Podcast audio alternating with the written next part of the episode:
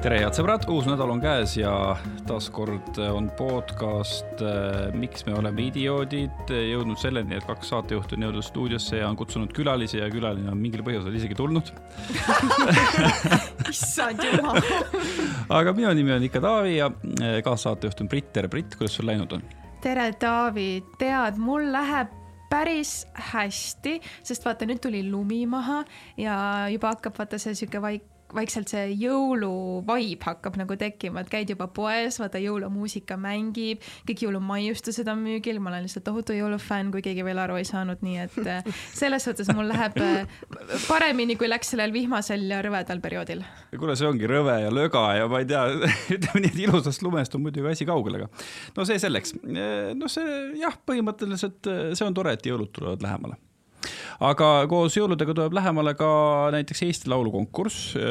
juba on kõik poolfinalistid ilusasti välja valitud ja üks poolfinalistidest juba väga suure kogemusega Eesti Laulu artist on meil täna külas, tere Sissi! Tervist, see on minu jaoks nii naljakas alati, et kaks korda on äkitselt väga suur kogemus. no kuule, ühesõnaga, see on ju, sa oled ikkagi nagu, see ei ole lihtsalt, et sa kuskil käisid ja laulsid, sa kõigepealt esimesel korral sul jäi üks punkt puudu sellest, et sa oleks äh, Viktor Kroone lükanud välja superfinaalist ja teisel korral sa said teise koha ma vist ei teadnud sa seda. sa ei teadnud seda, jah? või siis ma ei mäletanud seda, ma olin nagu, okei. Okay.. aastal kaks tuhat üheksateist äh, mina kui elav statistik tean väga täpselt, et kuna sa said žürii käest äh, täpselt sama palju punkte kui äh, Inga võrratu lugu Milline päev, kui sa oleks saanud ühe punkti rohkem, oleks sina olnud kolmandana superfinaalis ja Viktor Kroone ei oleks kindlasti läinud Eurovisioonile, sellepärast et ta oleks jäänud neljandaks täiega tore, et ma ei saanud seda punkti, ta oli täiega hea.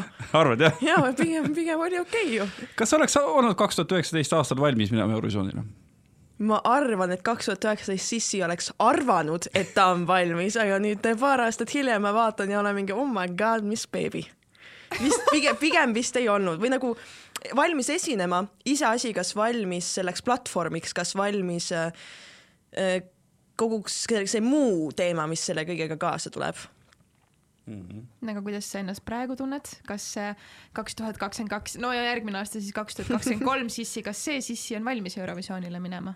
ma arvan küll ja ma loodan, et siis mingi kaks tuhat kakskümmend seitse aasta sissi arvab samamoodi, et ei ole jälle see, et ei noh, see pisike seal arvas niimoodi, ei ma praegust pigem tunnen seda küll ja sest et äh, on midagi öelda ja see on nagu see, mis on muutunud, et sellel ajal oli asi väga palju ainult muusikas minu jaoks, nüüd on asi minu jaoks muusikas kui kunstis kui ka lihtsalt see, et äh, asjades, mis ma tahan öelda ja jagada maailmaga mm.. kas sa toona aastal kaks tuhat üheksateist äh, arvasid ka, et sul on midagi öelda? või sa? siis oli rohkem laulmises siis minu jaoks, ma olin, no laulmine on siiani meeletult sul kirg minu jaoks, see on everything nii-öelda, aga siis ta jah, pigem oli rohkem seal, et ma olin siiski just Superstaarist välja tulnud, ma olin just üheksateist saanud ja võib-olla asi oli isegi selles, et ma ei, ma ei teadnud, kas mul on midagi öelda, neid teemasid oli palju äh, ma ei julgeks öelda, ma ei oleks julgenud öelda neid asju siis. vot nii noorelt me ei ole oma häält veel avastanud täielikult ja mina kindlasti ei olnud. mitte, et sa praegu jube vana nüüd oleksid või et selles suhtes, et sa oled ju endiselt tegelikult noor, sa oled kakskümmend kolm ainult jah, ma vahel unustan ära seda, seda on kuidagi, vahel tunnen vanemana, vahel jälle tunnen, et ma olen kolmene.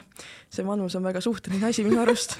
Millal sa tunned, et sa oled kolmene? siis, kui ma järjekordselt äh, midagi pekki keeran, ma, ma nagu suudan, see, vaata see pealkiri ka, miks me oleme idioodid, kohe kui sa ütlesid mulle selle nime, ma olin mingi mm, jaa, see on minu koht siin, sest et ma võiks öelda, et ma päris korralikult ikka olen üks vahel ja teen vigu väga palju ja pean kõik asjad omal nahal läbi katsetama, et äh, jaa, nendel hetkedel ma olen kolmene ja vaata, see on täpselt see hetk, kui sa pead midagi tegema, mis on sihuke, et noh, täiskasvanud inimene peaks seda teadma justkui vaata hmm., aga siis ma ei tea seda ja siis ma umbes helistan oma emale, et kuule, et ma ei tea, ma tahan tosse pesumasinas pesta, et mis režiimi ma valima pean.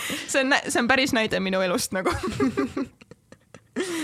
no sel aastal või siis aastal kaks tuhat kakskümmend kolm sinu võistluslugu on äh, pealkirjaga Lighthouse ja vähemalt kirjas oled sa nagu ainuautorina mm. -hmm ongi nii täitsa, jah? täitsa ongi nii selles suhtes produtsent kindlasti vahepeal mingi nokks oli mingi hm, kindel selles kohas, seda võiks võib-olla natuke muuta ja siis oli minu ülesanne mõelda mingi natuke teistmoodi välja, aga ei, see lugu sündis äh, nagu enamik minu lood niimoodi, et ma istusin oma toas, kell on pool kaks öösel ja ma olen nagu mingi oota, ma olen oma tundeid ignoreerinud ja ma nüüd saan sellest aru ja mm, ma pean nüüd maha istuma ja need endast välja kirjutama.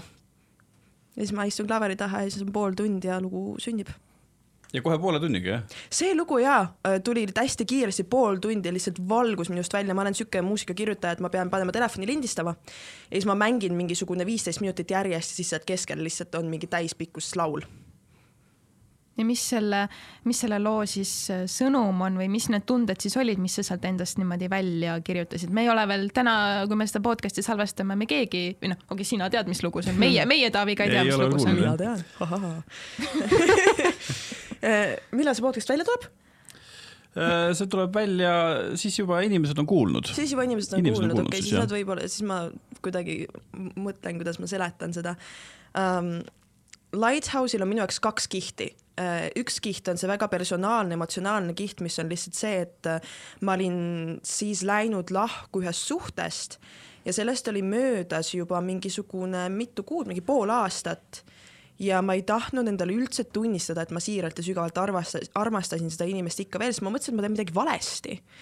ja, ja selle lauluga mina sain aru, et aga täiesti on okei okay hoida oma lubadust, seda lubadust armastada kedagi elu lõpuni ja mitte olla nendega, täiesti on okei okay,, on isegi edasi liikuda järgmise inimesega, ikkagist armastada ühte teist inimest, sellepärast et armastus ei oma piire ja selle lauluga ma justkui sain lahti sellest piinlikkusest, et ma tunnen oma tundeid, no me elame natuke ühiskonnas, mis ütleb sulle ära tunne oma tundeid, ära tunne neid kurbust, ära tunne viha, suru need kusagile alla, peida ära, eks ju, ka mina olen selles maailmas üles kasvanud. Ja ma siiralt mõtlesin, et need on halvad tunded ja siis selle lauluga ma pidin lihtsalt väga reaalsusele otsa vaatama, et äh, nojah, sa oled ikka veel siin, aga see on täitsa okei okay,, et sind ei ole. aga mina hoian ikkagist vaikuses oma lubadust ja hoian sind oma südames nii-öelda Mm -hmm. ja siis see teine kiht sellel ongi see sama, millest ma just rääkisin, ongi see tunnete tundmine, et kui palju piinlikkust meil on oma emotsioonide üle, kui palju me tunneme, et kui meil on see raske mingi piinlik, siis me tahame seda alla suruda, et me ei taha seda üldse näidata, sest et äkki meid judge itakse, äkki meid vaadatakse kuidagi halvasti, selle asemel, et lihtsalt võtta omaks kõik, mis me oleme selles ajahetkes, kus me oleme. ja siis selle lauluga ma justkui alustasin seda teekonda, et hakata aktsepteerima kõike, mis ma olen. Kas, kes sinu lähedastest seda lugu veel kuulnud on? Äh, perekond kindlasti minu ema ja isa, nad on üleüldse vaata Eesti Lauluga, minu õde, minu ema teevad mul lavalist liikumist, minu isa aitab looga kaasa, alati kuulab ja on nagu mingi, see ei ole hea, vaheta ära. või siis, et see siin on super, las jääb. et ma usaldan neid absoluutselt ja täielikult äh, paar minu kõige lähedasemat sõpra ja siis see inimene, kellele see laul on kirjutatud. Et äh, sellest ta kuulis see siis, kui meie lahkuminekust oli peaaegu aasta aega täis juba ja siis ka temale ka väga meeldis see laul, et sai aru sellest ja oli õnnelik sellega. No see majakas on ju no, mitmes mõttes huvitav metafoor, et ühest küljest tõesti see, et, et see on kõige üksildasem koht ilmselt üldse, aga aga teisest küljest see, et see majaka valgusviht ütleme, ta, ta on, ta aitab ellu jääda inimestel, kes tegelikult nagu selle majaka vahiga üldse kokku ei puutugi, et noh, selles mõttes täpselt sama, mis, mis sa ise nagu rääkisid, et et sa kuidagi oled nagu oma tunnetes ja, ja samas äh, Äh, samas sa võid nagu armastada kedagi, kes on oma eluga nagu edasi läinud. ja, ja sellele inimesele ma olen kirjutanud kaks lugu veel ja igas loos, täiesti esimeses loos ma olin kirjutanud, et äh, sa oled valgusvihk, mis juhatab mind koju ja teises loos ma olingi ta kohta öelnud, majakas, sa oled mu majakas. selles laulus on sõnad, sa olid mu majakas, ehk siis ta on niisugune nagu triloogia lõpulugu põhimõtteliselt. lõpubossi lugu nii-öelda. just, just. aga kuidas, äh, kas selle laulu kirjutamine kuidagi äh, ma ei tea, aitas siis sul iseendas ka mingitele, ma ei tea, küsimustele vastuseid nagu leida või et kas see kuidagi lahendas ka selle, ma ei tea, siis konflikti sinu jaoks et...? absoluutselt, täielikult. kui sa lubad omal tunda seda, mis sa hetkel tunned, see on meeletu vabanemine sellega kaob pinge, sellega kaob mingi ärevus, mis sinu sees on, sellega, kuna ma olin ju juba järgmises suhtes, siis ma alati mõtlesin, ma olin täiega mingi, et, et kas ma teen nagu valesti, et ma armastan siin kahte inimest, et kas see tähendab, et see inimene, kellega ma olen praegu koos, kas, kas see tähendab, et ma tegelikult ei armasta teda? kas see tähendab, et ma teen midagi valesti? Ja siis ma lihtsalt pidin vaatama otsa faktile, et ei, ma olen võimeline armastama kahte inimest korraga, ilma et see võtaks teiselt inimeselt ära midagi, et nad tegelikult ei mõjuta üksteist, et ta oli lihtsalt minu jaoks teekond oma südame avamiseni mingil määral, et aru saada, kuidas minu süda toimib, et on inimesi, kes suudavad armastada ühte inimest korraga ja siis meil on inimesed, kes suudavad armastada mitut inimest korraga, ma sain aru, et ma olen, ma olen see teine see on hästi huvitav, sest minu arust ühiskond on küll nagu reeglina sellisel seisukohal, et noh, et, et sa ei saa armastada mit-, noh, et Eks a la ju. nagu romantiliselt vaata Jaa. onju, et sa ei saa romantiliselt armastada, ma ei tea, mitut meest või mitut naist onju, et kui sa armastad mitut, sa tegelikult ei armasta umbes ühtegi. just, ja mis tegelikkuses ei ole üldse õige, sest et armastus, ta on, tal ei ole silte peal tegelikkuses, tal ei ole seda, et üks inimene, see ei ole kusagile nagu sisse kirjutatud, vaid see on lihtsalt meie monogaamsest ühiskonnast nagu justkui tulnud, et see peab nii olema, aga ma arvan, väga paljud inimesed suudavad iseennast sealt laulust üles leida, isegi suudavad samastuda selle tundega, et kui sulle meeldib kaks inimest, kui sa armastad kahte inimest ja et sa ei ole katki, sa ei ole vale selle pärast ja sa oled lihtsalt sina kas ma saan aru, et äh, tänapäeval siis on su süda lahtine või on su süda võetud? Öö, sõnastan nüüd ümber mulle, mis sa mult küsid praegu, kas see on see, et kas ma olen suhtes, vallaline? jah, kas sul on, see oli praegu see, see, see oli jah. nagu see küsimus praegu, ei praegust ma olen vallaline mm. -hmm. Ja see on ka täitsa sellepärast, et tundsin, et ma olen aastatega täpselt aru saanud, mida ma ei taha. mul on väga kaunid, väga imelised suhted olnud imeliste inimestega. mitte ükski suhe ei ole lahku läinud mingitel koledatel põhjustel, vaid lihtsalt mingid arusaamised, et elud justkui ei klapi, see suund, kus me liigume ja nüüd on äh, täpselt see aeg, kus ma tunnen, et ma hakkan otsima seda, mida ma tahan, aga ega ma pean sellest kõigest kõigepealt nagu iseendas aru saama, just ütlesin ka sõbrannale, et see mõte, et minu ellu tuleb praegust mingi mees või naine on väga ebamugav minu jaoks, et justkui tahaks nagu iseendaga natukene olla. et sul on vaja seda aega, et nii-öelda olla praegu üksi ja leida siis see sissi, kes on siis nii-öelda sissi, sissi. ma ei tea, kas mul on vaja seda aega, aga ma tunnen, et see on see aeg või nagu ma, ma ei mõtle oma elu väga palju üle ega väga palju ette. ma elan väga selles hetkes, et mida minu keha ja minu sisetunne mulle praeguses hetkes ütleb ja praeguses hetkes ma olen väga rahul sellega, kus ma olen. nüüd, kui minu ellu tuleb keegi ja vot ma vaatan talle otsa ja olen mingi, vot sinuga ma läheks küll välja või nagu, et see on praegust õige, no siis ma teen selle järgmise õige otsuse. Kui sa enne mainisid, et noh, et sa oled justkui vaata kasvanud üles äh, ühiskonnas, mis ütleb, et äh, suru oma tunded alla, ära, ära tunne mingisuguseid emotsioone, ma ei tea, kas ongi, et mingi viha, kurbus mm, -hmm. kõik see, et see on halb justkui. ja et ole tubli tüdruk.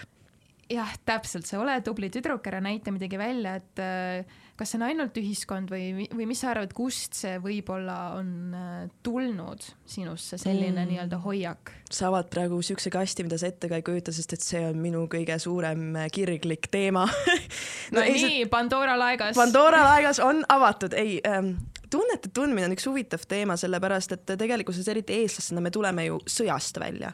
me tuleme välja ühiskonnas, kus äh, meie vanavanemad, isegi kellel vanemad äh,, pidid silmitsi seisma faktiga, et ma pean ellu jääma. Ja kui sa jääd, kui sa oled ellujäämise faasis, sul ei ole ruumi, et mida ma praegu tunnen, et nagu, et kuidas nagu iseennast ette panna, sest et you are trying to survive, seal ei, sa ei saa. nii et ja kui sa tuled sellisest keskkonnast välja, sa ei oska oma lastele õpetada, kuidas tunda oma tundeid ja nemad ei oska oma lastele õpetada. ja kuidas me peaksime oskama midagi, mida mitte keegi meile ei näita ega ei õpeta. see, see ei ole lihtsalt võimalik. nii et sellepärast ma saan aru, miks me oleme sihukeses kohas, kus see on. siin ei ole isegi mitte kedagi süüdistada, välja arvatud seda, et eh, inimesed on vahel lollid ja kaklevad üksteisega väga suurel riiklikul tasandil, eks ju miks me oleme idioodid, eks ju. ja seda, see on ka meieni jõudnud. ja kui mina ei õpi tundma oma tundeid, kui mina ei õpi olema hell iseenda vastu, siis ma olen kahjuks karm ja rõve ja vahel vastik teiste vastu. ja siis ei oska ka mina seda edasi õpetada, nii et kui mina tegelen endaga piisavalt palju, et hakata enda jaoks ruumi hoidma, tunda kõiki oma tundeid selles hetkes, kus need on, ilma et ma tahan neid muuta, lihtsalt olla nendega ma olen teiste vastu parem, ma oskan seda teistele õpetada, ma oskan teistele suunata, niimoodi me inimestena tegelikult liigume väga palju paremas suunas edasi, sest et inimene, kes on iseendaga rahu teinud, suudab teha rahu ükskõik kelle teisega. et siis see, kui erinev keegi teine meist on, see on täiesti okei okay.. no milliseid praktikaid sa ise oled sellel teekonnal kasutanud? no see oli tegelikult selle aasta alguses või noh, kui see tuleb välja kaks tuhat kakskümmend kaks aastal, siis see oli selle aasta alguses, kus minu üks mentoritest ütles mulle väga hea lause, kui ma läksin tema juurde teemaga, et mul on nii head inimesed elus, aga minu enda traumade tõttu ma ei usalda neid, ma nagu ei usalda oma sõprusi, ma ei usalda oma suhteid, mul on nagu hirm kogu aeg. ja ta ütles mulle nii hea lause ja ta ütles mulle, et see ei ole see, et sa ei usalda inimesi sa ei usalda iseennast, et sa saad oma valuga hakkama, kui nad peaksid sind jätma. ja ma olin nagu mingi oh my god, siin minu elu praegu muutus ja ma olen terve aasta pühendanud sellele, et oma valu hoida. Ja kuidas see välja näeb, on see, et kõigepealt hakata väga realistlikult oma elu vaatama, oma tundeid vaatama, ehk siis kui mina tunnen kurbust, ma tunnen kurbust, kui ma tunnen viha, ma tunnen viha. ehk siis eh, ma olen väga positiivne inimene, aga ma ei ole toksiliselt positiivne inimene, kui minu elus on paska, siis ma lihtsalt ütlen faktina, et minu elus on pask, aga see ei tähenda, et mu elu on pask eh, ja kõigepealt, kui ma suudan teadvustada, mis ma tunnen, siis ma suudan nendega istuda. vahel isegi teadvustamata, vahel sul on mingi pinge sees, mida sa ei oska seletada aga ma ütlen näiteks, et kümme sekundit, kui sa oled oma emotsiooniga, ilma et sa proovid seda muuta, võib juba muutuse teha. ehk siis, kui mul on täna hommik, ma olin hästi väsinud, ma ei tea, ärkasin üles, oli väsinud päev. mul oli väga vastik olla, ma teadsin, et mul on nii palju vaja teha, sihuke kõik on pahasti ja minu reaktsioon sellele oli see, et ma tõmbasin end voodisse kerra, võtsin oma kiisumõmmi kassu, kes on üks kaisuloom, kes mul on, ja ma hoidsin ennast.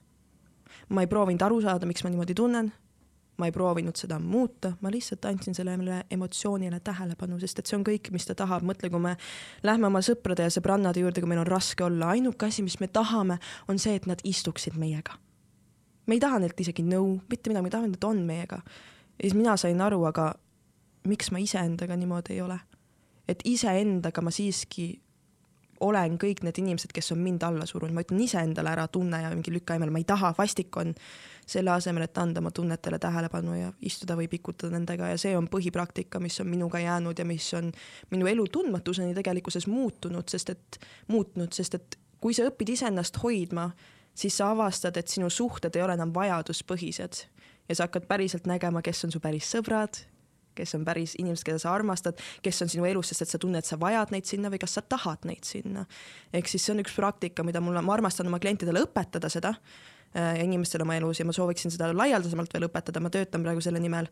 Äh, nii et jaa, see on põhipraktika mm. -hmm. ehk äh, ma saan aru, et sa nagu tegeled, kuidas see eestikeelne termin, coach vist või coach või midagi sellist. Coach, jaa, põhi, põhimõtteliselt äh, mis see, mis see nagu on, mis, mis inimesed sinu käest saavad, kui nad tulevad su juurde või, või millest lähtudes sa siis hakkad nendega tegelema?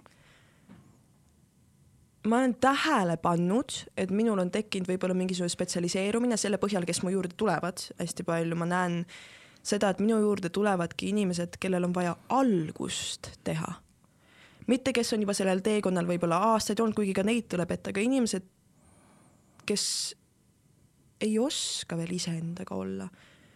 mina leian, et igakuv viimne osa inimeses, inimeseks olemises on aktsepteeritav nagu kui sa tuled minu juurde ja räägid sellest, et sa oled nii kade inimene ja vihkad kõik, siis ma olen mingi davai, see on sinu reaalsus praegu, let's sit with that, vaatame, kust see tuleb või nagu ma ei usu, et midagi on vaja judge ida.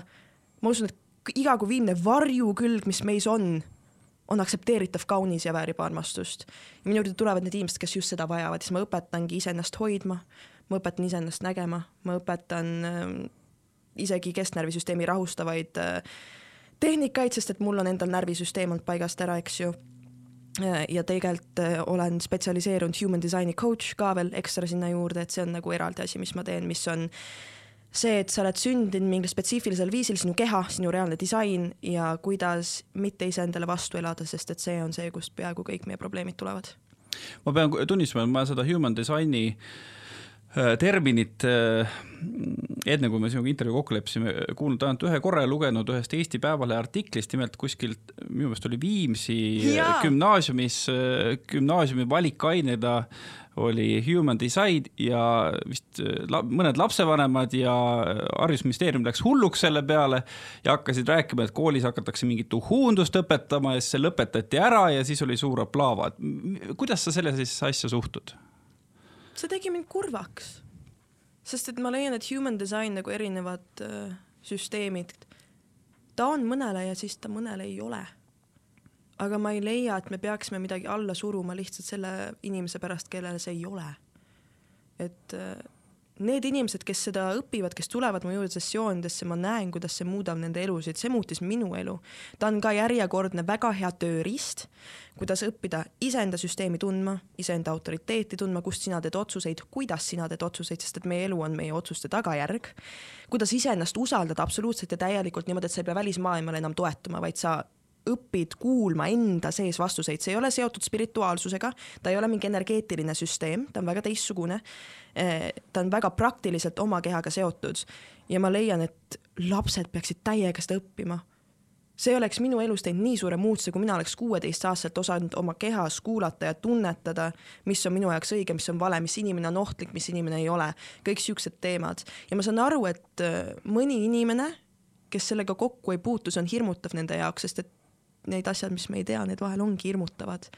aga ma ei leia, et sellepärast peaks kogu süsteemi maha matma ja ma sain aru, et see kriitika oli nagu põhiliselt see, et, et mingite inimeste arvates oli noh, erinevatest kasvõi usunditest või erinevatest mõtteviisidest võetud mingisugused põhimõtted ja pandud kõik kokku, et see tundus selline selline segapuder, aga tegelikult noh, sinu jutu järgi ma saan aru, et ongi erinevates kohtades sellised head tööriistad kokku võetud ja siis ja. ongi selline tööriistakast, mida kasutada. ta ongi, ta on äh, hindu kabala, Hiina kvantummehaanika, inimbioloogia, tšakrate süsteem, ta on võtnud mingisugune seitse nagu pusletükki ja pannud nad tervikuks kokku ja ta ei ole võtnud osi nendest mm -hmm. süsteemidest. ta on võtnud tervikud süsteemid ja olnud mingi, kuulge, kas te olete tähele pannud, et nad nagu tegelikult käivad kokku ja tegelikult toetavad kõik üksteist. et ta on väga sügav, äh, minu üks põhiline sessioon nagu kohustuslik human design'i sessioon, kui üks inimene tuleb minu juurde, on kaks korda tund aega. sest et muud moodi me ei saa isegi seda kõige õrnemat seda pealmist kihti läbi võetud, sealt edasi, kes tahab, tuleb ja läheb sügavamaks. mina olen oma disaini nüüdseks aktiivselt aasta aega avastanud ja ma isegi ei tea veel kõike oma disainist ja ma olen professionaalne lugeja. ehk siis ta tõesti läheb sügavale, ta aitab iseennast avastada ja ta, ta on üks kõige imelisi, üks kõige imelisemaid tööriistu, millega mina olen tööd teinud. ja et kõige parem on see, et ta toetab väga hästi. ehk siis, kui sa oled inimene, kes tegelebki oma närvisüsteemi, oma füüsilise tervisega, ta toetab seda, kui sa oled mentaalse tervise teekonnal, ta toetab seda. kui sa lihtsalt tahad oma elus iseennast paremini õppima tunda, ta toetab seda. ta ei ole sihuke suur usk, kuhu sa kaod ära, vaid ta ongi tööriist. kuidas sa ise selleni siis jõudsid? No mina olen pigem spirituaalses ja energiamaailmas tegutsenud päris pikalt ja siis selle peale üks minu sõbranna ütles, et kuule, sina noh, tegeled siin kõige siukse enesearengu asjadega, et kas sa human design'ist oled kuulnud?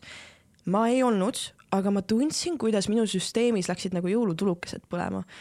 ja siis ma põhimõtteliselt kaheksa kuuga võtsin viie aasta info ja õppisin ja töötasin selle kõik läbi see lihtsalt siiralt sügavalt hakkas niimoodi mind huvitama. ja nüüd on mul paberid ka olemas ja, ja see lihtsalt nagu võttis mu elu äkitselt üle ja nüüd tundes oma human design'i, teades kõike, mis seal on, see on väga loogiline, et see juhtus. isegi see, et minul läksid siuksed nagu tulukesed põlema, tegelikult see on minu süsteemi jah jaht nagu teema, mida ma olen terve elu tundnud, et mul on sihuke hästi füüsiline tunne oma kõhus, mis on sihuke laienemine või kokkutõmbumine. ja siis, kui ma lugesin sõna-sõnalt, et minu süsteemis see on minu jah ja ei süsteem, siis ma mäletan, ma itsitasin, seal oli mingi täiesti pekkis, ongi nii. ongi mm -hmm. nii lihtsalt no ma küsin sellise lihtsa labase küsimuse, mis see tähendab, et sa said mingi paberi, et kes selle paberi sulle andis ja mis see paber nagu? tegelikult äh, human design sul ei ole vaja paberit, et seda praktiseerida mm. -hmm. sellepärast, et kui sa ei tea oma infot, ega inimesed ei hakka tulema ka su juurde, see ei ole ohtlik, kui sa oled ilma paberit, see on ohtlik, noh, tegelikult no iga asi võib olla ohtlik ja ka pabereid saab fake ida, nii et ma ei saa öelda, et see ei ole ohtlik. kõik võib olla ohtlik. aga minu jaoks oli pigem küsimus selles, et ma tahtsin õpetajaga koostööd teha äh, ma olin suht kindel oma infos, kõiges, mis ma olin õppinud, mul olid nagu kooliraamatud, asjad olemas aga minu sees oli siiski mingisugune ebakindlus, et äkki ma ei tea täielikult asju, äkki, et ma ei ole, et ma ei julge nagu nii väga teha teistele ja ma tahtsin inimest, kes on no kümme aastat teinud seda asja, et ma saaks temaga õppida, temaga rääkida, seda ma tegingi ja siis ma sain sealt nagu selle enesekindluse, see paber minu jaoks andis mulle lihtsalt enesekindluse, et ma võin seda teha ja ma tean, et on ka inimesi, kes tulevad mu juurde, kellele see, et mul on paberid, tekitab rahu. ehk siis see oli nagu kahel põhjusel, üks oli minu enda enesekindlus, teine oli minu klientide enesekindlus. Kui palju kliente sul siis on? issand jumal, nüüdseks neid on selle aastaga sadu olnud, sest et äh, on olnud gruppe, kus ma olen teinud, kus juba ühes grupis on kümneid naisi. Ja siis on one-on-one -on -one kliendid, keda mul on terve aasta ringselt nädalaid iga päev põhimõtteliselt olnud, ma ei, olen ammu kaotanud järje naisi, aga mehi on ka? on, on, aga ma olen tähele pannud, et minu juurde tuleb rohkem naisi ja ma arvan, et see tuleb minust endast, mina tunnen mugavamalt naisi õpetades ja sellepärast mu juurde tuleb rohkem naisi. aga see ongi siis niisugune asi, et sa saad seda teha niimoodi, et inimene tuleb individuaalselt ja ka grupis reaalselt. Nagu grupid on, äh, gruppides ma olen teinud, aga siis ta jääb pealiskaudsemaks, siis me nagu keskendume üle ühele aspektile a la kuuekümnest ja tegeleme sellega terve selle grupiga. Või siis äh, a la üks imeline ka coach nimega Katre Kulbok, ähm, kes õpetab vundamendi loomist ja rutiini loomist inimestele. Ja läbi tema ma hakkasin tema gruppidele, filmisin videod. Ja siis näiteks tema keskkonnas saab neid videosid vaadata ja õppida. Edu Akadeemial on ka minu videod, kus siis inimesed tulevad gruppidena ja vaatavad neid videosid. aga kõige rohkem ma siiski teen one-on-one'is, sest et see aitab kõige kiiremini, kõige sügavamale minna selle kliendiga nii, ja oletame, et noh, nüüd on see nii-öelda promo, promonurk sulle on ju, et, et ma tulen sinu juurde, ma vaatasin, et kui ma tahan sinuga kaks tundi siis nii-öelda rääkida, et see on kakssada eurot mm. -hmm. mida ma siis selle raha eest saan või et mida me siis teeme seal? kõigepealt me vaatame üle sinu elektromagnetvälja tüübi, see on see, et sinu aatomid vibreerivad neid on põhimõtteliselt viis erinevat tüüpi, see on kõige üleüldisem informatsioon, see ei puuduta mitte kuidagi sinu iseloomu üldse. ta on puhtalt füüsiliselt läbi maailma liikumine, mina generaatortüübina olen inimene, kellel on füüsilised reaktsioonid kõhus, vaata me vahel räägime kõhu, kuulame kõhutunnet. ainult minu tüübil on kõhutunne muideks kui sa ütled projektoorile kuule kõhutunnet, ta vaatab sulle otsa, et mis asi see on, ma ei tea, ma ei tunne oma sees mitte midagi. kui sa ütled manifestorile kuule kõhutunnet või mingi oma instinktist, ta on ka mingi, mis mõttes, ma ei, ma ei saa aru, millest sa räägid, sellepärast et isegi meie autoriteedid on erinevad, on inimesed, kellel on teadmised, tunded, on inimesed, kellel on füüsiline kõhutunne, on inimesed, kellel ei ole kumbagi. Nendel hakkab energia kehas tööle siis, kui neil on mingi oma kasu mängus. Ja see ei ole egoism, see ongi see, et nad peavad vaatama kõike läbi selle vinkli, mis mina siit saan ja kas see motiveerib mind ehk siis me vaatame siukseid asju, mis on sinu autoriteet, sinu tüüp, tüübist ainuüksi ma tegelikult võin tund aega rääkida sulle sinu ühest tüübist. sealt edasi me lähme sinu strateegiasse, kuidas sa teed otsuseid, neid on ka väga palju erinevaid, kes on algatajad? Et ma, tuleb idee, ma lähen ja ma teen, ta ei saa ootama jääda, see ootama jäämine teeb ta katki, minu tüüp, ma ei ole algataja, ma olen terve elu tundnud ka seda, ma tean väga hästi, et ma ei ole. kui mina hakkan algatama niimoodi, et mul ei ole kõigepealt reaktsiooni olnud, mis andab mulle energia taha, siis ma jooksen seina ja üks sein teise järel, ma olen olnud selles tsüklis, ma tean väga hästi, mis see on. sealt edasi me vaatame sinu profiili, nüüd me lähme natuke rohkem iseloomule juurde, me lähme vaatame sinu tööd, mis sa oled loodud siin elus tegema äh, natuke ülevaatlikult, siis me vaatame, mis hoiab sind tervislikuna, me vaatame, kuida-, mis on sinu suhete mustrid, sinu suhete varjud. sealt edasi me hakkame vaatama, et mis on sinu rutiinitaju, mis on sinu toitumisstiil, siis me vaatame, mis on sinu ideaalne keskkond, siis me vaatame sinu eluülesannet. aga mitte sihuke üks asi, mis sa teed siin elus ära vaid kui sa elad oma disaini nii-öelda, lihtsalt elad iseendaga kooskõlas, sa hakkad ülinaturaalselt tegelikult elama oma eluülesannet. see on sinu jaoks nii loomulik asi. me vaatame selle üle, see aitab suunata inimesi. siis sealt on võimalik vaadata sinu brändi, millest sa oled loodud rääkima, mis on sinu kõige suuremad varjukülved erinevates teemades, sealt edasi on võimalik vaadata sinu andeid, oskusi, kingitusi ja tegelikult see läheb veel miljon korda sügavamale ja mina räägin teile ainult kõige peenemat pealmist kihti, mis saab esimeses lugemises selle kõik saab kahe tunniga siis kätte? ja, ja need kaks tundi on meelega tehtud tund aega üks nädal ja tund aega teine nädal tegelikult. ma ütlen oma klientidele, et pange nädal aega vahet, sellepärast seda infot tuleb nii palju, nii tihedalt, et kui me teeksime kaks tundi järjest, sa lähed sealt ära ja su pea huugab ja sa ei ole võimeline mitte ühtegi asja sealt noppima välja oma ellu. nii et me teeme tund aega ja siis ta vaatab selle esimese infoga, kuidas ta oma ellu seda hakkab vaikselt integreeruma, tal on õigus mulle vahepeal kirjutada. ja siis me teeme teise tund aega, kus me läheme natuke sügavamale sinna, vaatame, et a la, et me tahame ju kehasse tulla, õppida kehast otsuseid tegema, mitte loogikast, nüüd vaatame, kus sinu kehas, sinu keha natuke valetab sulle kus ta tunneb välist pinget ja sa tahad välisest pingest teha otsuseid, mitte enda seest, eks ju. ja see on nagu teine lugemine ja siis äh, see integreerub ära ja siis mul on hästi palju kliente, kes tulevad mul pärast veel konsultatsioonidesse, et okei okay,, davai, ma olen aru saanud hakkame nüüd kasutama seda elus, sest et ta on tööriist, mis sa kasutad iga jumala päev oma elus praktiliselt, ta ei jää sul kusagile tegelikkuses istuma. ja siis me hakkame niimoodi vaikselt seda siis harutama ja minema sügavamale kuidas sa siis vaat-, sorry, kuidas sa vaatad neid asju? Ta... kas see on nagu see, et see inimene ise nii-öelda räägib ei, sulle umbes ei, oma ei, elust või? sul on reaalselt pilt ees, kus on mingid erinevad kastikesed ja mingi kuuskümmend neli numbrit, mis on omavahel ühendatud, pluss siis äh, mingid nurgad ja mingid süsteemid ja mingid nooled, ma ei oska teile mitte kuidagi sõnadega seletada, milline see kaart välja näeb, ta on väga segane inimesele, kes ei ole seda õppinud. see on see põhjus ka, miks tullakse lugeja juurde, et see naljalt sa seda infot nagu lühidalt ei leia nagu internetist kokku ja see tuleb neutriinode süsteemi põhjal, ehk siis erinevad tähesüsteemid meie kosmoses, eks ju, neist tulevad neutriinod välja, see on aatomist väiksem osake, äh, mis muideks väga pikalt arvati, et ta ei oma laengut ja arvati, et ta liigub valguskiirusel, tegelikult tuleb välja, ta liigub natuke aeglasemalt ja ta liigub valguskiirusest aeglasemalt ja ta kannab laengut ja see laeng muutub sõltuvalt erinevatest taevakehadest, planeedid, mis iganes, kus ta läbib ja meie praeguses ajahetkes saame tuhandeid neid korraga meie päikesest põhimõtteliselt kõige rohkem ja human design põhineb sellel, et mis oli see laeng see hetk, kui sina tulid oma ema seest välja, kus sinu ema keha ei saanud seda laengut enam, vaid sina said, nii et ta on sünniaja põhjal. aga ta on selle põhjal, et sina tulid oma ema seest välja, sina said praegu esimese laengu ja sellega tekib sinu siis see iseloomudisain ja siis seda me hakkame vaatama. vot see kaart siis tekib selle sünniaja pealt. just, aga ja. Minuti täpsusega kellaaeg, kui paned kaks minutit edasi, tegelikult kogu kaart võib muutuda ma tahtsin vahepeal küsida seda, et sa ütlesid seda, et, et otsused peavad tulema kehast, mitte loogika põhjal, mida mm -hmm. see mhm. tähendab? meie loogika oli kümneid aastaid tagasi inimese põhiautoriteet. Äh, loogika põhjal on ka inimesi väga lihtne juhtida, meil on väga lihtne kuulata teisi, mida me peaksime tegema ja me ei kuule väga enda sees, mis on meie jaoks õige. aga tänapäeval see hetk, kui sina hakkad tegema loogikast otsuseid, siis sa hakkad tegema otsuseid võib-olla pingest oletame, et inimesel, te ei pruugi sellest aru saada, aga on defineerimata juurkeskus oma süsteemis. mida see tähendab, on see, et ta elab konstantse pinge all, et ma pean tegema rohkem, ma pean tegema kiiremini, sest et väljapoolt tuleb see surve ta ise on survevaba, aga kuna ta on avatud, sealt ta võtab väljapoolt meeletutes kogustes seda survet sisse. sinu loogika ütleb sulle selle surve pealt, ma pean kiiremini tegema.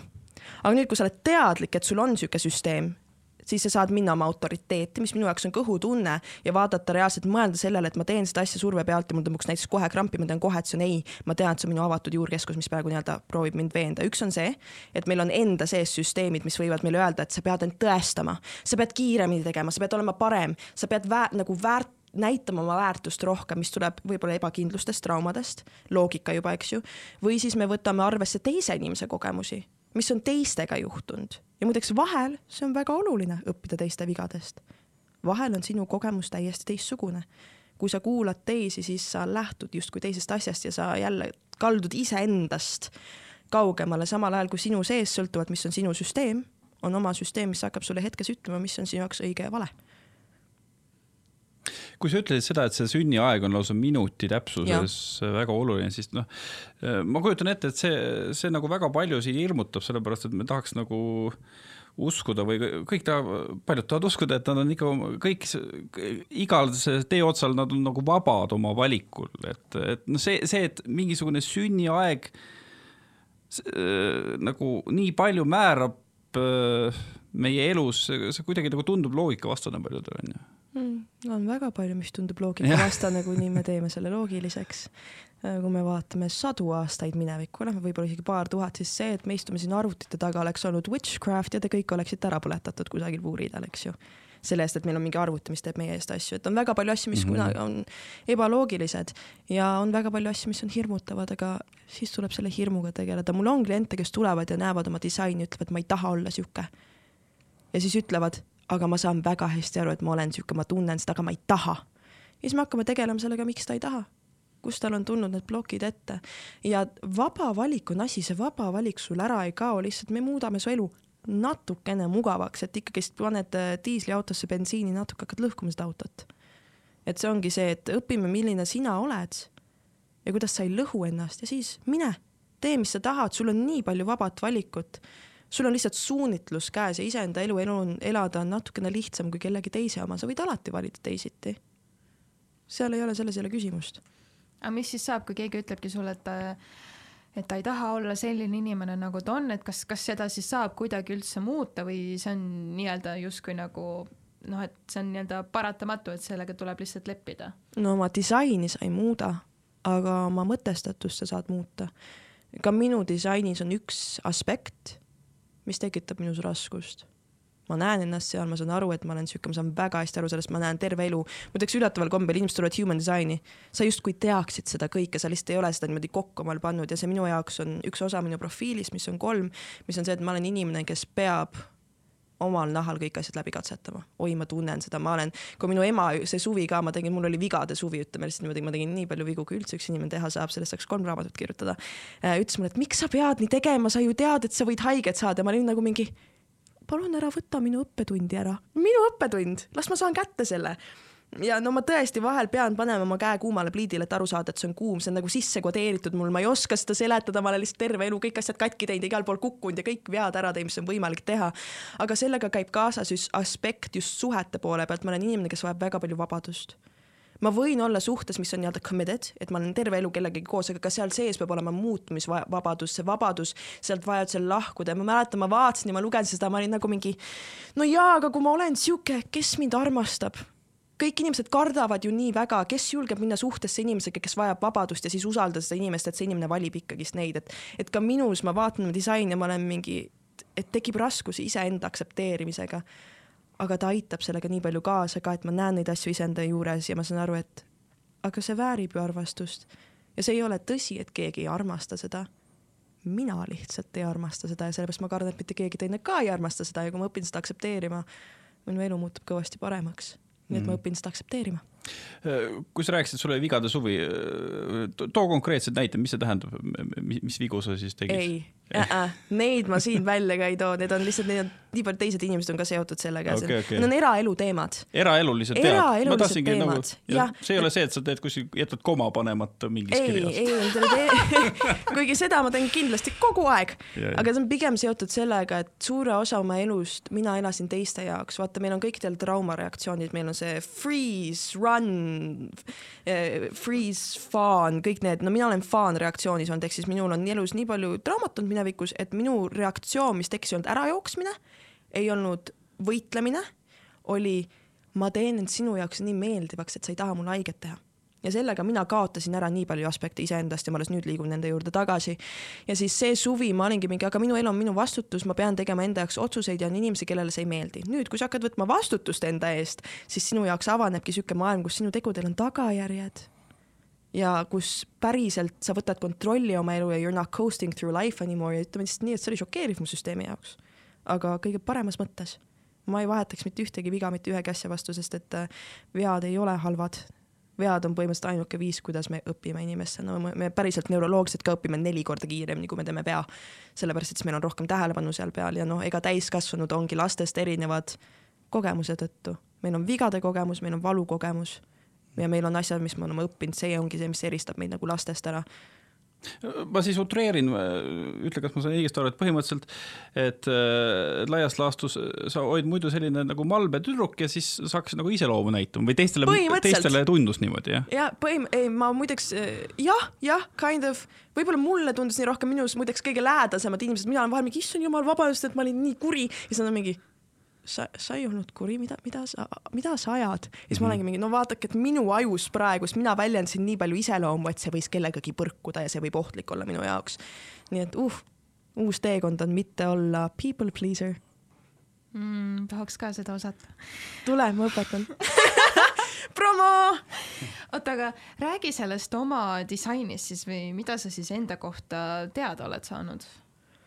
oh my god, seda on nii palju minu aura tüüp või siis elektromagnetvälja tüüp või energiatüüp, nendel on mitu erinevat nimi, nime on generaator, mida see tähendab, on see, et minu sees on ära defineeritud sakraalsüsteem, mis genereerib iseenda energiat füüsilist tegemisel, kui ma räägin energiast, ma räägin see mitte vuu-vuu energia, eks ju, nõiad asjad, ma räägin füüsilisest tegemise energiast mina genereerin iseenda tegemise energiat, mis tähendab, et kui mulle midagi meeldib teha, kui see on jah minu süsteemis, nagu te praegust näete ka, ma lähen täiega põlema, ma lähen särama, ma täidan kogu selle ruumi põhimõtteliselt ära.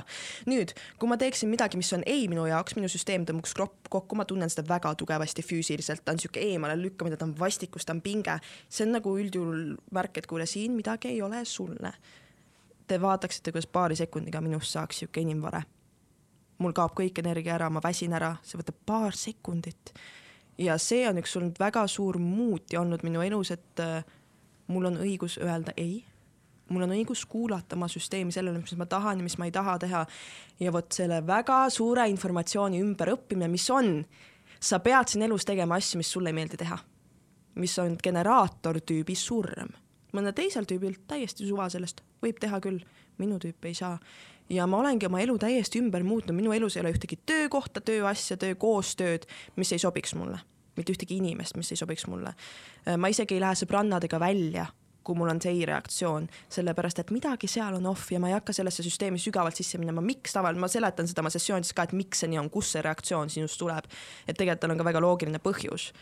Äh, ma olen oma elu täiesti tundmatuseni juba ainult selle ühe informatsiooni jooksul põh-, pärast ära muutnud oh my god, mul läheb keel nii sõlme õudne, kohvi joon, ei tohiks juua nii palju kohvi. aga mida sa muutnud oled näiteks? mõni konkreetne sihuke näide ma olen ära lõpetanud ligikaudu üheksa koostööd, mis tõid raha sisse ja ma tegin neid sellepärast, et number üks, noh, justkui olen hea selles, aga see, et ma olen hea millegi, see ei ole piisav põhjus, et ma pean seda tegema. vaid nad tekitasid minus pinget, ärevust, kui ma pidin neid tegema, enamasti sotsiaalmeedia koostööd ma ei, sotsiaalmeediat ei naudi. Pole minu ala, kellegi teise jaoks on tema rõõm, tema au, tema uhkus, minu jaoks ei ole tundsin, et peaks olema, käib kaasas justkui sellega, kui sa oled meedias ja laulad. Jätsin kõik need asjad ära. mul on päris mitu inimest, kes lahkusid minu elust, mitte taaskord tülide tõttu, vaid sest ma ise sain aru, et issand jumal, see tegelikult ei ole sõprus, mis mind toidab, üldse ei ole. ja kuidas ma vaikselt hakkasin eemalduma sealt ja neid nii-öelda sõlmesid, mis meid koos hoiab lahti tõmbama, sealt tuli ka leina inimestega muidugi, leinad seda tüdrukut, kes sa oled leidnud, neid inimesi, kes su elus on. Meie elus puudub igasugune rutiin, mis on kõige toredam asi maailmas. Äh, minu süsteemis on täitsa sisse kirjutatud see, et rutiin on minu süsteemile väga raske, mis ta ongi. see ei tähenda, et mul ei oleks rutiinseid asju elus, mul on asju, mis ma teen iga jumala päev, ma lihtsalt olen natuke häkkinud neid, kuidas neid rutiinivabalt teha. Äh, mu elus on väga palju rohkem vabadust ma väljendan kõvasti rohkem, ma usaldan oma informatsiooni autoriteeti, ma olen informatiivne autoriteet, see on, tuleb ühest osast minu profiilis. kui mind midagi väga huvitab, ma olen nõus seda tundide kaupa õppima ma tõesti, ma kaon kusagile sügavale ära ja see on sellel eesmärgil, et tegelikult ma olen loodud ka seda informatsiooni jagama äh,. nii et ma olen andnud omale õiguse olla informatiivne autoriteet, jagada seda infot, mis ma õpin. sellega käib kaasas natuke sihuke varjupool, mis on see, et ma mitte kunagi ei tunne, et ma olen valmis neid asju jagama. see oli see, miks ma läksin õpetaja juurde, miks ma läksin pabereid tegema, ma tundsin, et tegelikult mul on juurde vaja infot, ma ei julge jagada, kui ma ei ole täiesti kindel selles. issand, mis siit veel on ma tean, et minu jaoks enesearmastus ja eneseväärtus on kõikuv energia, mida ma ei, elu lõpuni ei tunne stabiilselt ja see on täiesti okei okay., on päevi, kus ma ei saa aru oma väärtusest ja nendel päevadel ma ei tee otsuseid sellest kohast.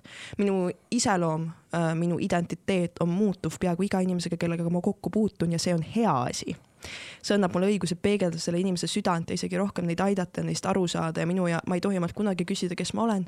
ma küsin, kes ma järgmisena olen, kes ma täna olen. ma valin inimesi oma ellu selle järgi, kuidas mina end tunnen nendega koos olles, sest et ma peegeldan neid ma luban omal rääkida, ma luban endal väljendada ja ma tean, et kõik minu mõtted on mul põhjusega ja ma olen täiesti okei okay on neid jagada. kõik mu tunded on siia tulnud, et minuga rääkida, iga emotsioon on ju informatsioon. Ja ma lihtsalt austan ennast. Ma olen hakanud ennast kuulama, ma olen hakanud ennast austama, ma olen hakanud ennast usaldama. Ja see ei tähenda, et ei ole hetki, kus ma seda ei tee on hetki, kus igasugune hirm võtab üle minu elu ja ma ei julge ennast kuulata ja siis ma saan jälle mingi pasaga hakkama. ja siis ma lihtsalt koristan seda ja õpin sellest ja liigun edasi sellest, sest et see on täiesti okei okay,, et me teeme vigu. ja elu on absoluutselt imeline ja absoluutselt õudne samaaegselt ja ma armastan seda. sellepärast, et kõik see eneseabi, mis me teeme, mis me õpime selle eesmärk ei ole elada perfektset, ilusat, õnnelikku elu, kus sa oled kogu aeg õnnelik ja kõik on lilleline, selle eesmärk ongi see, et ma aktsepteerin kõike, mis ma on. ja nendel päevadel, kus elu on absoluutne õudusunenägu, ma usaldan ennast, et ma saan sellega hakkama ja ma liigun edasi ja ma õpin siit ehk siis äh, sina oled generaator, räägi lühidalt, mis, mis selle õpetuse puhul siis need teised inimtüübid on? meil on generaator, projektor, reflektor, manifesteeriv generaator ja manifestor. see on muideks kõige üleüldisem info. ma ja, ja muideks sul on võimalik natukene samastuda iga tüübiga, sest et sinu kaardis on aspekte teistest tüüpidest aga suu kõige suurem vahe tuleb siis see toimimisviisist ja ma räägin just need spetsiifilised toimimisviisid, mis meid eristavad ja ma võiks igast tüübist rääkida poolteist tundi tegelikkuses, tund aega kuni poolteist tundi. generaatorina ma ei ole loodud asju algatama ja minus on väga palju eluenergiat ma ootan, et minu sees tekib füüsiline kõhureaktsioon, see või kõhus, rindkeres, kus iganes, mis annab mulle teada, kas ma tahan või ei taha midagi teha. kui, kui see on jah, ma tunnen seda, minust tuleb energiat, et seda asja teha, siis ma lähen teen, ma jälgin seda tunnetust. kui on ei, ma pigem jätan selle tegemata, ma ütlengi ei. Äh, ja ma lähen oma eluga edasi kui ma teen neid asju, mis on ei-d, siis generaatori läbipõlemine on väga õudne koht, kus olla, su kõhutunne lõpetab töötamise, sa oled väsinud, sa ei saa enam aru, mis on õige, mis on vale. generaatori läbipõlemine on natuke teistsugune teistest tüüpidest. projektoril puudub sakraalenergia, tal ei ole tegemise energiat, kui generaatorina mina võin seitseteist tundi järjest joonistada või laulda, mida ma olen ka teinud, ilma et ma ära väsin, siis projektori jaoks on võimatu, nemad on loodud tegema neli kuni viis tundi tööd päevas maksimaalselt. aga see-eest, nemad võtavad välismaailmast nii palju informatsiooni vastu ja siis suunavad selle väljapoole, nad ongi meil projektijuhid, nad on uue ajastu juhid tegelikult, nad näevad kogu aeg tõusvat viisi, kuidas asju teha ja oskavad meid juhtida. ja ma tean, hästi paljud inimesed samastuvad sellega, et aga ma näen ju ka väga palju, usu mind, projektorid näevad natuke teistmoodi seda. aga projektor ei tohi anda oma arvamust ilma, et tal on kutse see kutse võib olla see, et jah, ma tahan su arvamust kuulda, palun räägi minuga, see võib olla peanoogutus, see võib olla töö pakkumine. kui ta tuleb ennast väljendama, ilma selleta, et teda on sinna kutsutud või tahetud, siis tema jookseb vastu seina ja see sein on teine inimene, nad blokitakse välja, see on väga ebamugav projektori jaoks, ma olen pealt vaadanud seda. Olen ise blokkinud ka ja ma, miks ma seda teen, siis ma saan aru, et aa, vot mina ei olnud valmis selle info jaoks. nii et nemad peavad kõvasti rohkem und saama nad peavad kõvasti vähem töötama ja see on nende jaoks raske, sest et me elame hustle culture'is, mis on ühiskond, et tee rohkem, tee palju ja nemad on siin nagu mingi, aga ma lähen katki, kui ma teen nii palju, kui generaator teeb. siis äh, manifesteeriv generaator, mis on generaatori alatüüp nagu kõrvaltüüp äh, väga kiire, need inimesed on loodud, et kõik asjad pooleli jätta, they are here to quit everything. Nemad tulevad ja teevad ja alustavad ja siis liiguvad edasi, alustavad uut asja, liiguvad edasi. sest et neil on vaja ülevaadet elust, nad peavad vahel alustama asju, et aru saada üldse, kas neile sobib see või mitte, aga üldjuhul on generaatoriga väga sarnased.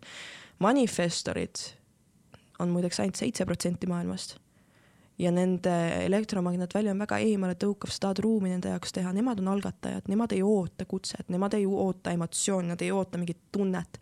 Neil tuleb mõte, ideed teha, sellele tuleb koheselt energia taha ja nemad on valmis läbi seinte ka nagu rong sõitma selle ideega, nemad on tegelikult läbi ajastu inimkonda järel nagu tõmmanud, nad on juhid olnud, praegu projektor tuleb justkui uue juhi asemele uh,.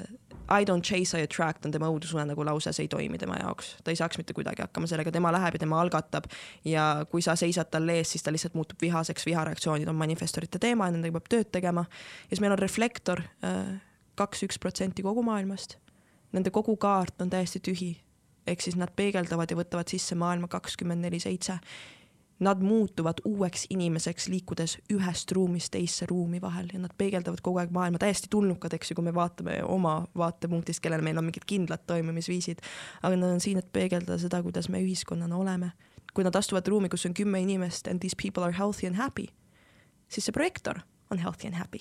kui ta astub ruumi, kus on sihuke veits halb vibe, siis no neil on kohe maas kõik ehk siis jaa, see on ülevaade ja ma tean, et on niisugune ülevaade, et justkui samastud kõigiga, sest et praegust mul ei ole aega, et sügavamale minna, aga see on jah, see esimene osa mm. -hmm äh, oota, aga sorry, kui ma lihtsalt äh, kõike seda kuulates, minul hakkas ka peas käima see, et, et äh, viimasel ajal kuidagi on hästi palju pilti tõusnud ka kõik need, ma ei tea, tähtkujud ja mingid tähemärgid ja vaata seal ka räägitakse see birth chart ja kuidas sul yeah. on mingi rising ja. no astroloogia on human design'i osa ju, ta on ka üks nendest süsteemidest, mis on sinna sisse võetud. aa, no vot, ma tahtsingi küsida, et kuidas sa sellesse kõigesse suhtud, et justkui meie tähtkujud defineerivad, kes me oleme inimesena? ma arvan, et meie tähtkujud defineerivad mingeid asju äh,, mingeid suundumusi, mingeid kingitusi, mingeid varjukülgi aga mitte ükski asi siin maailmas ei defineeri seda, kes sa oled, isegi mitte human design. väga lihtne on peita end ära siltide taha ja nimede taha, ma olen projektor, ma olen generaator, ma teen seda, sest et ma olen jäär, ma teen seda, sest et ma olen sõnn, selle asemel, et võtta vastutust iseenda eest, oma elu eest ja oma otsuste eest. Mm. -hmm. nii et jah, ma usun astroloogiat, ma näen, kuidas see toimib enda peal, teiste peal, aga ma ei jää sinna kinni. Human design ka, ma ei, ma ei taha sinna kinni jääda, ta annab mulle sõnavara, et väljendada neid asju, mida ma olen terve elu nagunii teadnud aga ma ei jää sinna kinni ja ma näen nii palju inimesi, kes jäävad ka, et a la manifestorid, nad algatavad, aga nad tegelikult jätavad pooleli enamik projekte, mis nad teevad, sest et see on see, kuidas nad on loodud ja kuidas ma näen seda, et ei, ma ei taha seda enam teha, sest et ma olen manifestor. selle asemel, et võtta vastutus, et ei, siin projektis minu energia sai otsa, mina teid enam aidata ei saa ja kui mina siin olen teiega teen, sorry, ma hakkan teid tagasi tõmbama. et me ei seleta nagu enda poolt, me ei võta vastutust enda eest, vaid me vahel peidame end siltide taha ära. ehk siis see on minu hirm muidugi natuke ka human design'iga, et see siltide taha pugemine mm. -hmm no kui me ringiga jõuame alguse juurde tagasi, ehk siis äh, selle juurde, et sa Eesti Laulul teed kaasa, äh, kuidagi nagu ürita nagu positsioneerida, et, et mida, mida praegusel hetkel äh, Eesti Laulu konkursil osalemine sinu jaoks nagu tähendab hmm.? Mida see mulle tähendab? minule see tähendab seda, et ju siis ma olen valmis jälle laval olema. vahepeal vaata, ma olen nii palju õppinud yeah. iseenda kohta, informatsiooni kohta. ma olen nii palju muusikat kirjutanud, mul on nelikümmend pluss lugu tegelikult vihiku vahel, mida ma vaikselt nüüd teen, ma tahan albumi anda välja järgmine aasta. ja see, et ma sain Eesti Laulu sisse, vaata, ta on minust väline teema tegelikult, ta ei sõltu minust. mind pandi sinna. ja see paneb mind nagu tundma, et ahah vist on aeg siit äh, oma toast välja ronida ja hakata uuesti muusikat tegema, hakata uuesti väljendama ennast, hakata uuesti õpetama neid asju, mis ma siin ka räägin, eks ju. ehk siis ta oli minu jaoks justkui märk, et davai, natuke teistsugune ajastu hakkab nüüd mm. -hmm no kuidas sa praegu tunned, et äh, okei okay,, no sa ütled, et sa ei vaata nagu väga palju või noh, sa ei mõtle väga palju tuleviku peale, sa pigem elad äh, hetkes, olevikus, aga et äh, kas äh, sinu nii-öelda suuremaks äh,, ma ei tea, siis kireks, teemaks äh, jääb muusika või on see pigem see selline ikkagi see kõik see vaimne ja see inimloomuse pool? see, et ma ei vaata tulevikku, ei tähenda, et ma ei unistaks. ma kogu aeg unistan, kogu aeg loon oma tulevikku, eks ju.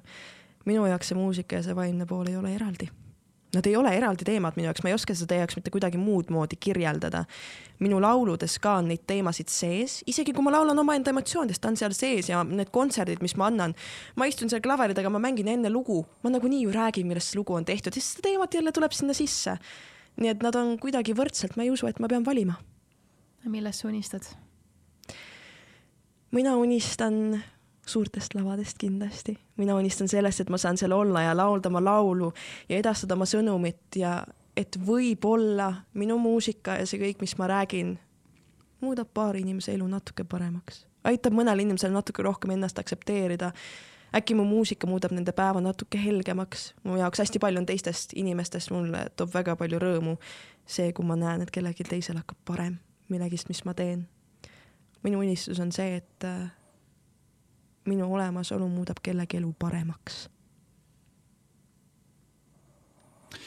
Sissi väga-väga äh, tore, et sa tulid külla ja noh, tõesti nagu ma kujutan ette kõigile kuulajatele ka nagu järelemõtlemiseks oli see väga huvitav, et endalgi nagu noh, täiesti nagu uus asi, mille millega nagu tutvuda, onju. ma, ma ütlen ka ausalt, ma ei ole sellest human design'ist enne siin sinuga kohtumist, ma polnud sellest kuulnudki tegelikult. mul on siuke tunne, et sellest nagu ei räägita eriti või see on kuidagi. see on välismaal mingi... rohkem, Eestis mm -hmm. jälle vähem mm. -hmm.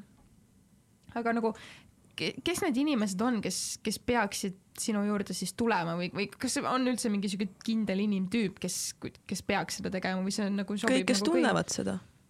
kõik, kes tunnevad seda, sest et on inimesi, kes kuulavad mind ja mõtlevad täiesti mõttetu ja see ei olegi nende jaoks nagu reaalselt. Nende elu ei muutuks paremaks sellest, kui nad tulevad siia, see lihtsalt ei anna neile mitte midagi. ja siis on inimesi, kellele võib-olla see muudab terve elu ära, nagu mina olin ja minu juurde jõuavad need inimesed, kelle jaoks see täpselt seda teeb. Need, kes, et kui sa tunnedki praegust, et sa kuuled mind, sa oled nagu, ma tahaks, usalda seda tunnet, kui sa tunned, et ma ei taha, usalda seda tunnet. ma ei tunne, et ma peaksin ütlema, et kõik peaksid tulema või et ära kuula ennast, kindlasti tule, sest et ma tegelikult tahaks päriselt ka muuta neid elusid, kes tunnevad, et nad tahavad seda muutust. Aga mis see sõnum on, mida sa nii-öelda tahad äh, inimestele edastada? kõik, mis sa oled, on absoluutselt perfektne ka see sinu kõige koledam pool, mis sinus üldse eksisteerib, mida sa ei julge teistele näidata hirmust, et sind ei aktsepteerita ja ma loodan, et üks päev sa õpid seda armastama. aga need, kes on äh, kriminaalkorras karistatud, kes istuvad vanglas mõne koleda teo eest, sorry, ma pidin küsima, see on loll küsimus. Aga... ei ole, ei ole loll küsimus, sellepärast et ka need inimesed on tegelikkuses ju katki. kui sa oled endaga täiesti rahul, kui sa saad endast aru ja oled õnnelik, sa ei lähe teisele halba tegema, need on katkised inimesed ja muideks see on teema, mida, mida ma olen oma emaga väga palju arutanud. et inimesed, kes panevad kriminaaltegusid korda, nad on siiski inimesed, kes vajavad abi. aga jah, me paneme nad kinni, et säästa teisi inimesi, see on minu arust täiesti arusaadav, aga see ei tähenda, et nüüd see, kui nad on kinni ja eest ära, et me unustame nad ära, vaid ka seal on tegelikult abi ja toetust vaja kas sa oled oma pereliikmetega peal seda human design'i teinud? kõik mu pereliikmed, kõik mu kõige lähedasemad sõbrad äh,, isegi sõpradega on a la kavatsus teha õhtu, kus me tutvustame üksteise disaini ka veel üksteisele, sest et me oskame seda paremini üksteist toetada, üksteisest aru saada ja minus ja minu perekonnas see on nii suure vahe teinud a la probleemid, konfliktid, mis olid noorena, äh, minul ja minu õel on üks suur erinevus minust ja minu emast ja isast äh, mis on seotud meie emotsionaalkeskusega, täpselt mina ja mu õde oleme osa viiekümne ühest protsendist maailmast, kes on emotsionaalsed. minu vanemad on mitteemotsionaalsed, see on omaette süsteem, see ei tähenda, et neil ei ole emotsioone. ja kui palju konflikti see tekitas meie elus niimoodi, et me ei saanud aru, et see tuli lihtsalt sellest, et meil on kaks väga erinevat süsteemi ja kuidas me oleme lahendanud neid asju. ja kuidas me saame paremini üksteisest aru ja oskame üksteist toetada ja veel paremini esile tõsta. et see on nagu imeline süsteem, mis ta teeb inimsuhete jaoks, mu juures käib hästi palju paare nagu romantilisi paare, kes elavad koos ja ma teen neile koos lugemisi ja teeme nagu et mis disaini nad veel koos ka loovad, sest et see on kolmas omaette süsteem, seda on võimalik muideks ka teha ärimudelitele a la kui sul on see business um, BG5 on selle nimi, kus sa võtad viis inimest koos, kes firmas on ja vaatad, kuidas nad koos mängivad, eks ju. nii et ta, ta on minu suhteid nii palju paremaks muutnud. Nagu sa mõtled nüüd nii-öelda kõik suhted, perekond, sõprus, romantilised, kõik suhted ma just mõtlesin, et kuidas see sinu nii-öelda romantilisi suhteid üldse mõjutab või et ongi see, et kui sa ütled, et sa oled nii-öelda nagu noh, kameeleon justkui, et sa muutud vastavalt sellele, kellega sa nii-öelda mm -hmm. koos oled. et kas see ongi siis see, et justkui, et iga nii-öelda, ma ei tea, potentsiaalne noormees, kes sinu kõrvale tekib, loob mingi uue versiooni sinust? absoluutselt, isegi teiega siin istudes ma avastan, et äh, ma artikuleerin end natuke täpsemalt minu sõnades on mingi teravus ja ma panen tähele, et see on tõenäoliselt äh, sinust, äh, sellepärast sinul on seda rohkem oma hääles ja siis samas ma avastan, et minu kehaline asend peegeldab jällegist sind rohkem. jälle panen lihtsalt tähele, et mingi vot kodus ma küll niimoodi ei olnud, aga siin nagu olen niimoodi. nüüd ma juba püüan lihtsalt neid peegeldusi kinni rohkem, et see on nagu äge, et minu sügav sisemus ei muutu, ma olen ikkagi sissi aga mingid eneseväljunduse teemad hakkavad natukene muutuma ja on inimesi, kellega koos olles ma avastan, et mina, kes ma olen üldjuhul väga pehme inimene, ma tahan torkida ma tahaks tüli norida. ja siis ma olen mingi, kust see tuleb? Siis see inimene lahkub ruumist ja äkitselt see on kadunud. Ja ma olen mingi oi, oi, see oli see inimene. Et üheksakümmend protsenti vastutust on minul, ma pean arvestama, et seal on see kümme protsenti, mis muutub teistega ka. Ja suhetes ka ikkagist ma muutun oma meeste järgi päris palju, aga ma olen hakanud valima mehi ka selle järgi, et kelleks ma muutun, kas mulle meeldib see inimene.